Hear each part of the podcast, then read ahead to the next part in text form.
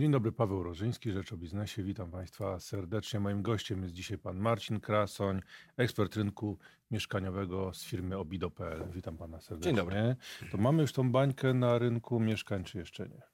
No, moim zdaniem, bo to też jest tak, że każdy może mieć inną opinię, bańki jeszcze nie ma, ale warto o niej mówić, żeby się przypadkiem nie pojawiła. E, w poprzednim, w poprzednim e, okresie takiego boomu mieszkaniowego w latach 2004-2008 e, nie za bardzo chcieliśmy dostrzegać symptomy tego, że bańka może się pojawić, no i skończyło się problemami, tak to powiedzmy. Dziś sytuacja jest zupełnie inna. E, źródła tego, że ceny rosną, są zupełnie inne niż wtedy. Ceny rosną wolniej niż wtedy, ale dobrze, że mówi się dużo o tym, żeby ta bańka nie narosła, bo jeżeli e, obudzimy się za późno, no to możemy znowu mieć jakiś tutaj kłopot na rynku. Tymczasem, jeżeli będziemy działać prewencyjnie, będziemy edukować społeczeństwo, żeby społeczeństwo wiedziało, że to halo, halo, nie jest tak, że kredyty zawsze będą tanie, że mieszkania zawsze będą drożeć i że na, że na najmie zawsze da się zarobić. Warto, żeby ludzie wiedzieli, że tak nie jest. Wtedy może będą ostrożniejsi, na to liczę, na ich inteligencję. E, no i wtedy do bańki po prostu nie No tak, ale wspomniał Pan o edukowaniu. Ja nie słyszę, żeby ktoś edukował ludzi, ostrzegał ich, że zastanówcie się dwa razy. Wręcz przeciwnie, no, i deweloperzy, i kredytodawcy zachwalają kredyty, jak gdyby nigdy nic. No, to jest ich biznes, więc tak. wiadomo, że chcą sprzedać, ale myślę, że to jest troszeczkę też rola mediów, między innymi. E, no już, na, już na te media nie, nie zwalajmy wszystkiego na te nieszczęsne media. Może, może rząd by się tym zajął, albo jakieś instytucje. No tutaj faktem jest, że Komisja Nadzoru Finansowego już jakieś parę lat temu podjęła takie decyzje o takim zabezpieczaniu rynku pod kątem e, wkładu własnego na przykład, prawda? Mieliśmy wcześniej taki okres, gdzie można było zaciągnąć kredyt na 130-140% wartości nieruchomości. Teraz trzeba mieć wkład własny. Teraz teraz nie ma kredytów frankowych, które też no, były niebezpieczne, e, więc pod tym względem troszeczkę zabezpieczenia się pojawiły. Dobrze, żeby było, żeby było ich jak najwięcej, e, no to wtedy, tak jak mówię, no jest szansa, że się przed tymi kłopotami obronimy. No powiedzmy, jak te ceny w takim razie rosną? Gdzie najszybciej? Hmm? Ostatni rok to był okres dość dynamicznych e, wzrostów, średnio około 9-10% e, w skali roku ceny, ceny rosły. Przy czym e, warto powiedzieć, że rynek rynkowi jest nierówny. W tym okresie najbardziej dynamiczne wzrosty były w Krakowie i, i Trójmieście, przekraczały 10%, ale już tam w Warszawie to było 6-7%. I też trzeba pamiętać o tym, że to się może bardzo szybko zmienić, bo to nie do końca jest tak, że jak akcje na przykład. Mamy akcje, one są notowane po tyle i tyle, ktoś chce kupić za 100 zł, a ktoś inny chce sprzedać za 99 na przykład i gdzieś tam się spotkają. No bo mieszkania też jest inna ich struktura, są różne mieszkania w różnym okresie. Na przykład bardzo łatwo to widać na, na rynku najmu, e, który 20 lat temu, na przykład, czy 10 lat temu wyglądał zupełnie inaczej. To były w dużej mierze e, mieszkania z rynku wtórnego, mieszkania e, nieodnowione, powiedzmy, jak tak to się mówi, że z dywanem i, i, i meblościanką po babci. Dziś rynek najmu to w dużej mierze są mieszkania nowe albo prawie nowe. E, mieszkania, e, które są czyste, schludne, estetyczne, no to nic dziwnego, że są droższe, tak? Więc nie do końca można tak bardzo łatwo porównywać, bo to nie jest ten sam towar. I tak samo jest na rynku e, kupno-sprzedaż mieszkania. E, też wystarczy, że w jakimś mieście pojawi się jedna e, inwestycja, która jest dobrze zlokalizowana, która jest, e, ma wyższy standard wykończenia, na przykład, że będzie tych mieszkań dużo, no i na statystykę e, średnią ceny mieszkania będzie to miało wpływ. Więc tutaj należy być ostrożnym i też jest trudno o takie wnioski, bo na przykład ostatni kwartał, czwarty kwartał 2019 roku, z danych firmy JLL wynika, że ceny rosły dużo wolniej. E, bo to tam było 1% na przykład, gdzieś były nawet spadki małe, e, ale teraz nie wiemy, czy to jest już długoterminowy jakiś trend, czy kolejny kwartał będzie taki sam, czy to się pogłębi, e, no dlatego, że ten rynek jest dosyć mocno nieprzewidywalny. Widzimy oczywiście to, co się dzieje, są dane GUS-u, które pokazują, jak dużo się mieszkań buduje, są dane BIK-u o tym, jak wiele osób chce kredyty zaciągnąć, są dane o sprzedaży deweloperów po zakończeniu kwartału, tych giełdowych deweloperów, ale to wszystko są takie dane szczątkowe i możemy sobie jakieś wnioski wyciągać, ale co się wydarzy na pewno, to, to tego nie wiemy niestety. Czyli nie za bardzo możemy teraz prognozować, nie wiem jaki, jaki znaczy, będzie ten rok przyszły. Oczywiście, tak. No, ja uważam, że y, ten dynamiczny wzrost z ostatnich kwartałów e, doprowadził do tego, że część kupujących e, gdzieś tam jakiś próg bólu ceny został przekroczony. To dotyczy na przykład inwestorów, no bo oni kupują mieszkanie z Excelem. E, kupują je po to, żeby ono zarabiało.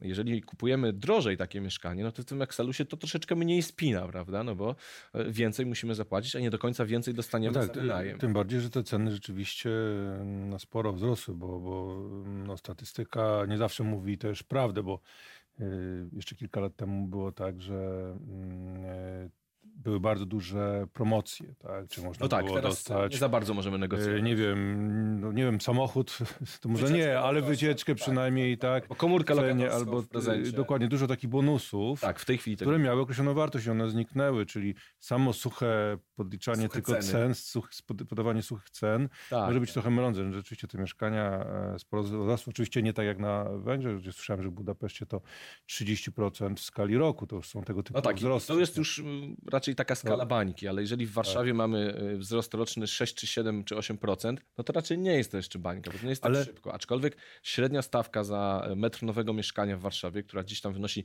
10 500 zł według JLL-a, no to to jest bardzo dużo. E, I jakby Polacy, jak patrzą na tą kwotę 10 500 e, za metr kwadratowy, no to w ich oczach buduje się to jako drogie. I stąd te część kupujących myślę, że gdzieś tam się powstrzyma i myślę, że dojdzie do stabilizacji, bo nie za bardzo są też warunki do tego, żeby te ceny jakoś bardzo spadały. A już na pewno nie spektakularnie, tak jak niektórzy by chcieli, że o 30% taniej. No, nie, nie widzę tego za bardzo. No tak, tym, tym bardziej właśnie, że bo co, co jest co, co, co jest na przykład, y, co przemawia za za wzrostem cen. No wiadomo, że te koszty cały czas rosną. Koszty i... budowy są cały czas wysokie, bo z jednej mhm. strony mamy wysokie ceny y, materiałów budowlanych, co jest związane z y, dynamicznym rozwojem całego rynku, całej gospodarki, tak? No bo buduje się biurowce, buduje się centra logistyczne, buduje się mieszkania, buduje się drogi, wszystko się w Polsce buduje, tak? Polska się bardzo dynamicznie rozwija. Co więcej, brakuje rąk do pracy. Oczywiście mamy e, bardzo dużo Ukraińców, e, pracowników też z Dalekiego Wschodu, ale one nie są, oni, nie są w stanie dokładnie tej dziury e, zasypać, która jest potrzebna wśród pracowników i koszty osobowe też rosną, czyli firmy, które budują cokolwiek albo remontują, no mają coraz, coraz drożej, nie? No bo jest bardzo dużo pracy, a mniej, mniej pracowników. Z drugiej strony mamy cały czas okres rekordowo niskich stóp procentowych i to na rynek mieszkaniowy wpływa dwojako. Po pierwsze, niskie stopy procentowe to są niskie oprocentowanie kredytu, niskie raty, czyli tani kredyt, czyli łatwiej jest dostać kredyt hipoteczny i on nam wydaje się tańszy. No bo taka rata tam kredytu wynosi na przykład 1500 zł. A to, o czym powiedziałem na początku, trzeba pamiętać, że e, to nie jest tak, że te stopy będą zawsze takie niskie, a wtedy kredyt tak tani. Może zdarzyć się tak, że stopy zaczną rosnąć, prędzej czy później pewnie zaczną i nagle zamiast 1500 będziemy mieli ratę kredytu 2000 zł albo nawet 2300. To jest bardzo realny scenariusz. To, to nie jest tak, że ten wzrost o kilkadziesiąt procent jest, jest niemożliwy. A z drugiej strony niskie stopy to niskie oprocentowanie depozytów i obligacji, e, co przekłada się na to, że część inwestorów, osób, które mają pieniądze, no nie za bardzo chce zakładać lokaty, bo jak lokata daje mniej niż wynosi inflacja, to pieniądze złożone w banku tak naprawdę tracą na wartości. Część tych osób, część oczywiście to nie jest tak, że nagle tłumy, ale część osób trafia na rynek nieruchomości, który z jednej strony możemy zarobić na wzroście wartości mieszkania, z drugiej na bieżąco zarabiać na najmie krótko lub długoterminowym. A czy budowa mieszkań to jest dalej bonanza dla deweloperów, bo do, do tej pory no, mówiło się o mm, rentowności rzędu 20, nawet 30% duży, i to dużych no. deweloperów. I e, pytanie, czy to przy tym wzroście kosztów robocizny i surowców i tak dalej, czy to się daje, daje utrzymać, czy się przerzuci trochę na klienta? Tak? Marże deweloperów nadal są, no powiedzmy, nie niskie. Oczywiście też zależy od firmy, bo e, w jednej e, jest to 15%, w drugiej 25%. Oj, przepraszam bardzo. E, ale warto zwrócić uwagę na to, że przede wszystkim Polacy chcą te mieszkania kupować. Dziś kupić gotowe mieszkanie, czyli oddane do użytkowania, w którym będziemy mieli tam, mogli sobie położyć podłogi i, i zamieszkać, E, jest bardzo trudno. W Warszawie, e, czy nie, w sześciu największych rynkach, tych, e, które JLL bada, 9% mieszkań jest gotowych. Jeszcze nie wiem, 5-7 lat temu to było 20-30%, a nawet ponad 30%. Właściwie wszystko sprzedaje się na pniu. To jest tak, że deweloper rozpoczyna sprzedaż, jest dziura w ziemi, albo nawet jeszcze tej dziury nie ma, jest nawet niewybrany generalny wykonawca i już ludzie kupują mieszkania. One zostaną No budowane za kilka lat. Skąd my to znamy? 2006, 2007, 2008 No tak, tym, z tym, że teraz czas. kupują za gotówkę często, tak? To jest troszeczkę inna sytuacja, no bo w razie czego, no to co najwyżej utopią gotówkę, a nie będzie tak, że będą tonąć z kredytami albo Ale trochę podobieństw jest, ale jednak, bo y, wtedy problemem była ziemia, bo rzeczywiście nagle na ten boom był dosyć gwałtowny, nagły, szybki i, i tej ziemi przygotowanej do budowy nie było, no, osiągała zawrotne ceny. Ale teraz teraz jest mamy podobne sytuacje, że jakieś astronomiczne e, kwoty za jakieś małe działki, czy jakby tutaj jakbyśmy mieli nawrót te, te, tego typu sytuacji, czy jakby deweloperzy wierzyli, że te ceny jednak będą rosły i że dalej będzie to dobry biznes, mimo że zapłacą dużo więcej za ziemię. No deweloperzy e, wierzą i chcą wierzyć, no bo to jest, to jest ich biznes, im zależy na tym. No, firma deweloperska to nie jest instytucja charytatywna, ona ma zarabiać. Koniec kropka. No, Im więcej zarabia, tym może- lepiej, nie? Może stać tak jak wielu deweloperów e, Tak, popłynęło tak, na ale chciałaby, tak? w Chciała, 2008-2009 zarabiać. roku. Tak. Niestety problem y, działek jest i on będzie w tym roku, uważam, narastał, dlatego że z jednej strony jest jakby taką oczywistością, że liczba dobrych działek w każdym mieście jest ograniczona, bo to jest dobro skończone, tak? Centrum ma ograniczoną przestrzeń i jak zabudujemy tutaj, to tu już w tym roku, czy w tym najbliższych 40 latach nic nie zbudujemy w tym miejscu, nie? E, Więc jest tych działek coraz mniej, a w 2019 roku, kiedy powstał e, Krajowy Zasób Nieruchomości, to duża część działek należących do e, samorządów, czy tam Skarbu Państwa i tak dalej, została zablokowana. Ona została zablokowana pod docelowo Mieszkanie Plus, Które na razie różne rzeczy się jakoś z nim dzieją. nie rozwinęło skrzydeł. No delikatnie mówiąc, skrzydeł nie rozwinęło. E, Już tam nawet czytałem e, wczoraj, e, że nawet nazwę chcą zmienić, żeby jakby kolejne otwarcie ma być. Źle tak? się kojarzy, tak? Że, że źle się kojarzy, tak. I, I te grunty są zablokowane, czyli jest ich jeszcze mniej dla deweloperów. No i to jest to, co pan redaktor mówi, że, że pojawiają się astronomiczne kwoty za działki, które czasami nawet nie są tak bardzo atrakcyjne, bo wystarczy mm, popatrzeć, gdzie budują się mieszkania. No, często budują się wzdłuż torów kolejowych. No, to nie jest przyjemne mieszkać przy torach. Ja bym nie chciał na przykład. Mm, Ale proszę powiedzieć, czy, czy na przykład jak weźmiemy rynek wtórny, czy on jest jakąś alternatywą? Czy tutaj Nie, no ceny jest. są niższe i że jak ktoś chce kupić mieszkanie, to może warto odpuścić sobie właśnie nowe od dewelopera, tylko kupić już takie... Jest tak, że mieszkanie z rynku pierwotnego i z rynku wtórnego, każdy z nich ma swoje plusy i minusy. Rynek wtórny przede wszystkim e, przyciąga tym, że kupujemy gotowe mieszkanie. Można w nim je dziś kupić i jutro w nim zamieszkać, bo często kupimy mieszkanie nawet umeblowane, prawda? Bo jest kuchnia zrobiona pod wymiar i tak dalej. E, I, niektórzy kupujący no, mają taką potrzebę, bo chcą się teraz przyprowadzić, tak? a, nie za trzy lata, e, co często jest na, na rynku pierwotnym.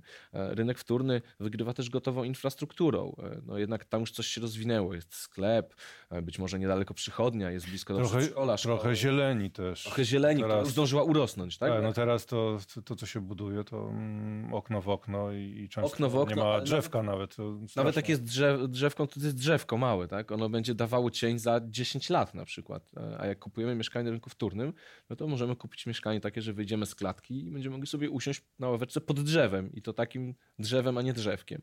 E, Jeśli chodzi o ceny, to nie jest tak kolorowo, dlatego że e, sprzedający e, na rynku wtórnym, widząc co się dzieje na rynku ogólnie mieszkaniowym, bo dużo się o tym Też podnieśli ceny. też podnoszą ceny. No ale, ale jakby oni- porównać metrażowo cenę nowego i takiego już rynku wtórnego, czy, czy ta, ta, te nożyce są, czy to... to, to Znaczy, ja jestem daleki od takich porównań, bo znowu sprzedajemy dwie zupełnie różne rzeczy. No bo Mhm. przeciętne mieszkanie z rynku pierwotnego w Warszawie zlokalizowane jest na obrzeżach miasta, e, bo, bo tam się Mhm. buduje, bo jest najwięcej działek, prawda? Więc mamy Bemowo, mamy Białołękę, e, no, dużo terenów na No tak. Południe, e, albo na przykład weźmy dzielnicę Mokotów, która jest tutaj świetnym przykładem. Mokotów każdy sobie myśli wzdłuż metra, tak? Metro Racowicka, metro, metro Wierzbno, co najwyżej Galeria Mokotów, takie okolice. Ale Mokotów to są też ogromne tereny wzdłuż trasy siekierkowskiej, gdzie się buduje bardzo dużo mieszkań nowych. Więc Mokotów i Mokotów to nie są dwie te same rzeczy. No tak, można porównać, że są obok siebie dwie jakieś Mhm. nieruchomości. No tak? to tutaj y, nowe mieszkanie wychodzi drożej e, No tak. nadal, ale ono oferuje oczywiście to, że jesteśmy pierwszym właścicielem, No tak. możemy je urządzić dokładnie tak, jak chcemy e, i tak dalej. Więc każdy te wady i zalety rozpatruje po swojemu. No pamiętajmy, że potrzeby każdego kupującego są inne. Bo Mhm. jeden, dla jednego najważniejsza jest zieleń za oknem i on może dojeżdżać godzinę do pracy.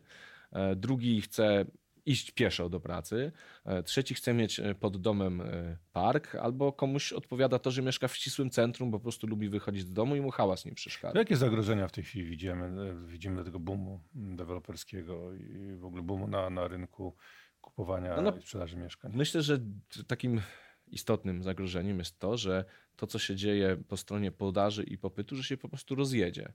Czyli deweloperzy będą nadal budowali mieszkania, będą ich budowali coraz więcej, bo tak takie są dane Głównego Urzędu Statystycznego. Tak? Liczba nowych budów, liczba pozwoleń na budowę jest cały czas bardzo wysoka, tam rekordowo wysoka.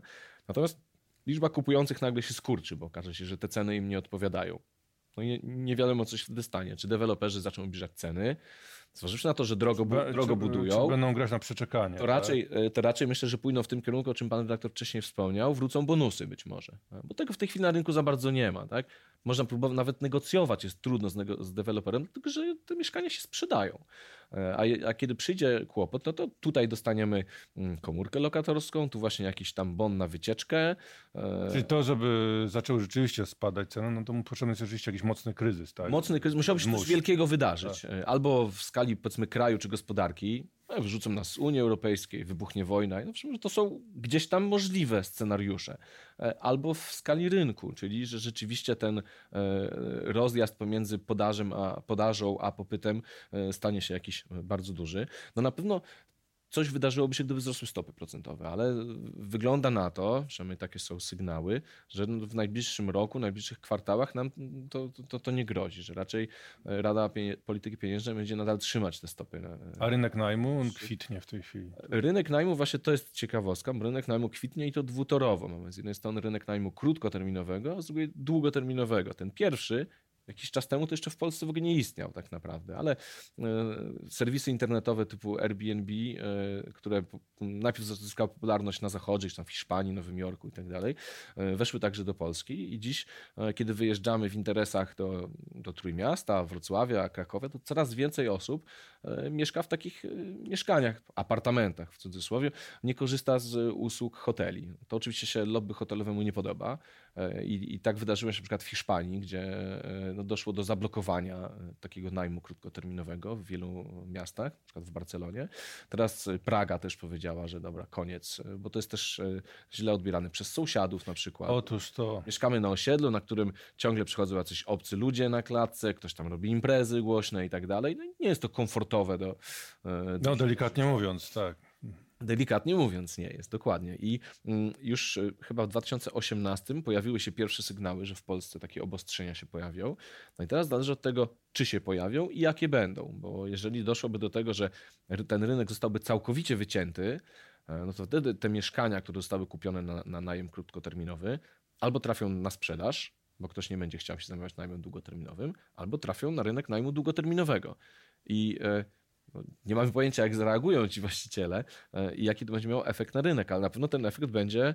E, no, jestem ciekaw, co się z tego wydarzy, bo myślę, że jest to jakieś zagrożenie i warto o nim mówić i warto o nim pamiętać, bo o ile najem długoterminowy no, ten ma przyszłość, tak? To jest wszędzie na całym świecie e, jest właściwie na przykład w Europie Zachodniej w każdym prawie kraju jest dużo bardziej popularny niż w Polsce. Więcej osób mieszka w wynajmowanych mieszkaniach. My mamy cały czas takie przekonanie, że ciasne, ale własne, e, że własne mieszkanie to jest jedyne źródło stabilizacji i tak dalej. Trochę to wynika z tego, że ten nasz rynek najmu przez lata był trochę dziki. E, wiele, wielu właścicieli nawet nie zgłaszało do urzędu skarbowego tego i tak dalej. Nie ma e, właścicieli e, instytucjonalnych, czyli jest bardzo mało funduszy inwestycyjnych, które kupują mieszkania. No, taki fundusz inwestycyjny jest dużo bezpieczniejszym właścicielem mieszkania niż prywatna osoba, no bo wiadomo, że nie zmieni nagle zdania i, nie, nie, będzie chciał zamieszkać w tym mieszkaniu. I to się dzieje na zachodzie i tam ludzie potrafią no, dziś, dziś, całe życie właściwie mieszkać w wynajmowanym mieszkaniu i nie traktują tego nijak jako jakąś ujmę, i jako ryzyko. Czyli reasumując, nie, nie, po, nie powinno się na razie jakoś yy, schładzać tego rynku, interwencje rządowe, o których się zresztą mówi tam oficjalnie, że są pewne przemyślenia, przymiarki. Znaczy, ja... zastanawia się rząd nad tym, czy przypadkiem nie, nie, właśnie nie ma już tej bańki, czy nie należy tego jakoś schładzać. Jest to na razie jeszcze przedwczesne. Tak? Przedwczesne, ale ja myślę, że warto, żeby rynek dokładniej monitorować, bo na przykład są takie zjawiska na rynku, których nikt nie liczy, nikt nie mierzy. To jest najem krótkoterminowy, nie wiadomo ile w Polsce jest takich. Mhm. I to jest flipping, czyli kupowanie mieszkania tanio po to, żeby je na przykład y, wyremontować, odświeżyć i szybko sprzedać z dużym zyskiem. Jeżeli ktoś kupuje mieszkanie i sprzedaje je po kilku miesiącach z kilkunastoprocentowym zyskiem, świetnie, bo dużo zarabia, ale na rynek to nie wpływa dobrze, no bo mamy nagły wzrost ceny y, w okolicy na przykład, tak? Y, I warto by te, mm, te zjawiska co najmniej mierzyć i pilnować. Nie mówię, że ograniczać, ale żeby monitorować, bo to, jakie błędy zostały popełnione kilkanaście lat temu, to właśnie dlatego, że nie za bardzo y, chcieliśmy tę bańkę widzieć. No teraz nic nie wskazuje na to, żeby ona już była, ale im dokładniej będziemy rynek monitorować y, i, i mu się przyglądać i przewidywać, tym mniejsza szansa, że bańka się pojawi. Dziękuję bardzo za rozmowę. Moim, bardzo. moim gościem był pan Marcin Krasoń, ekspert mieszkaniowego z firmy obido.pl.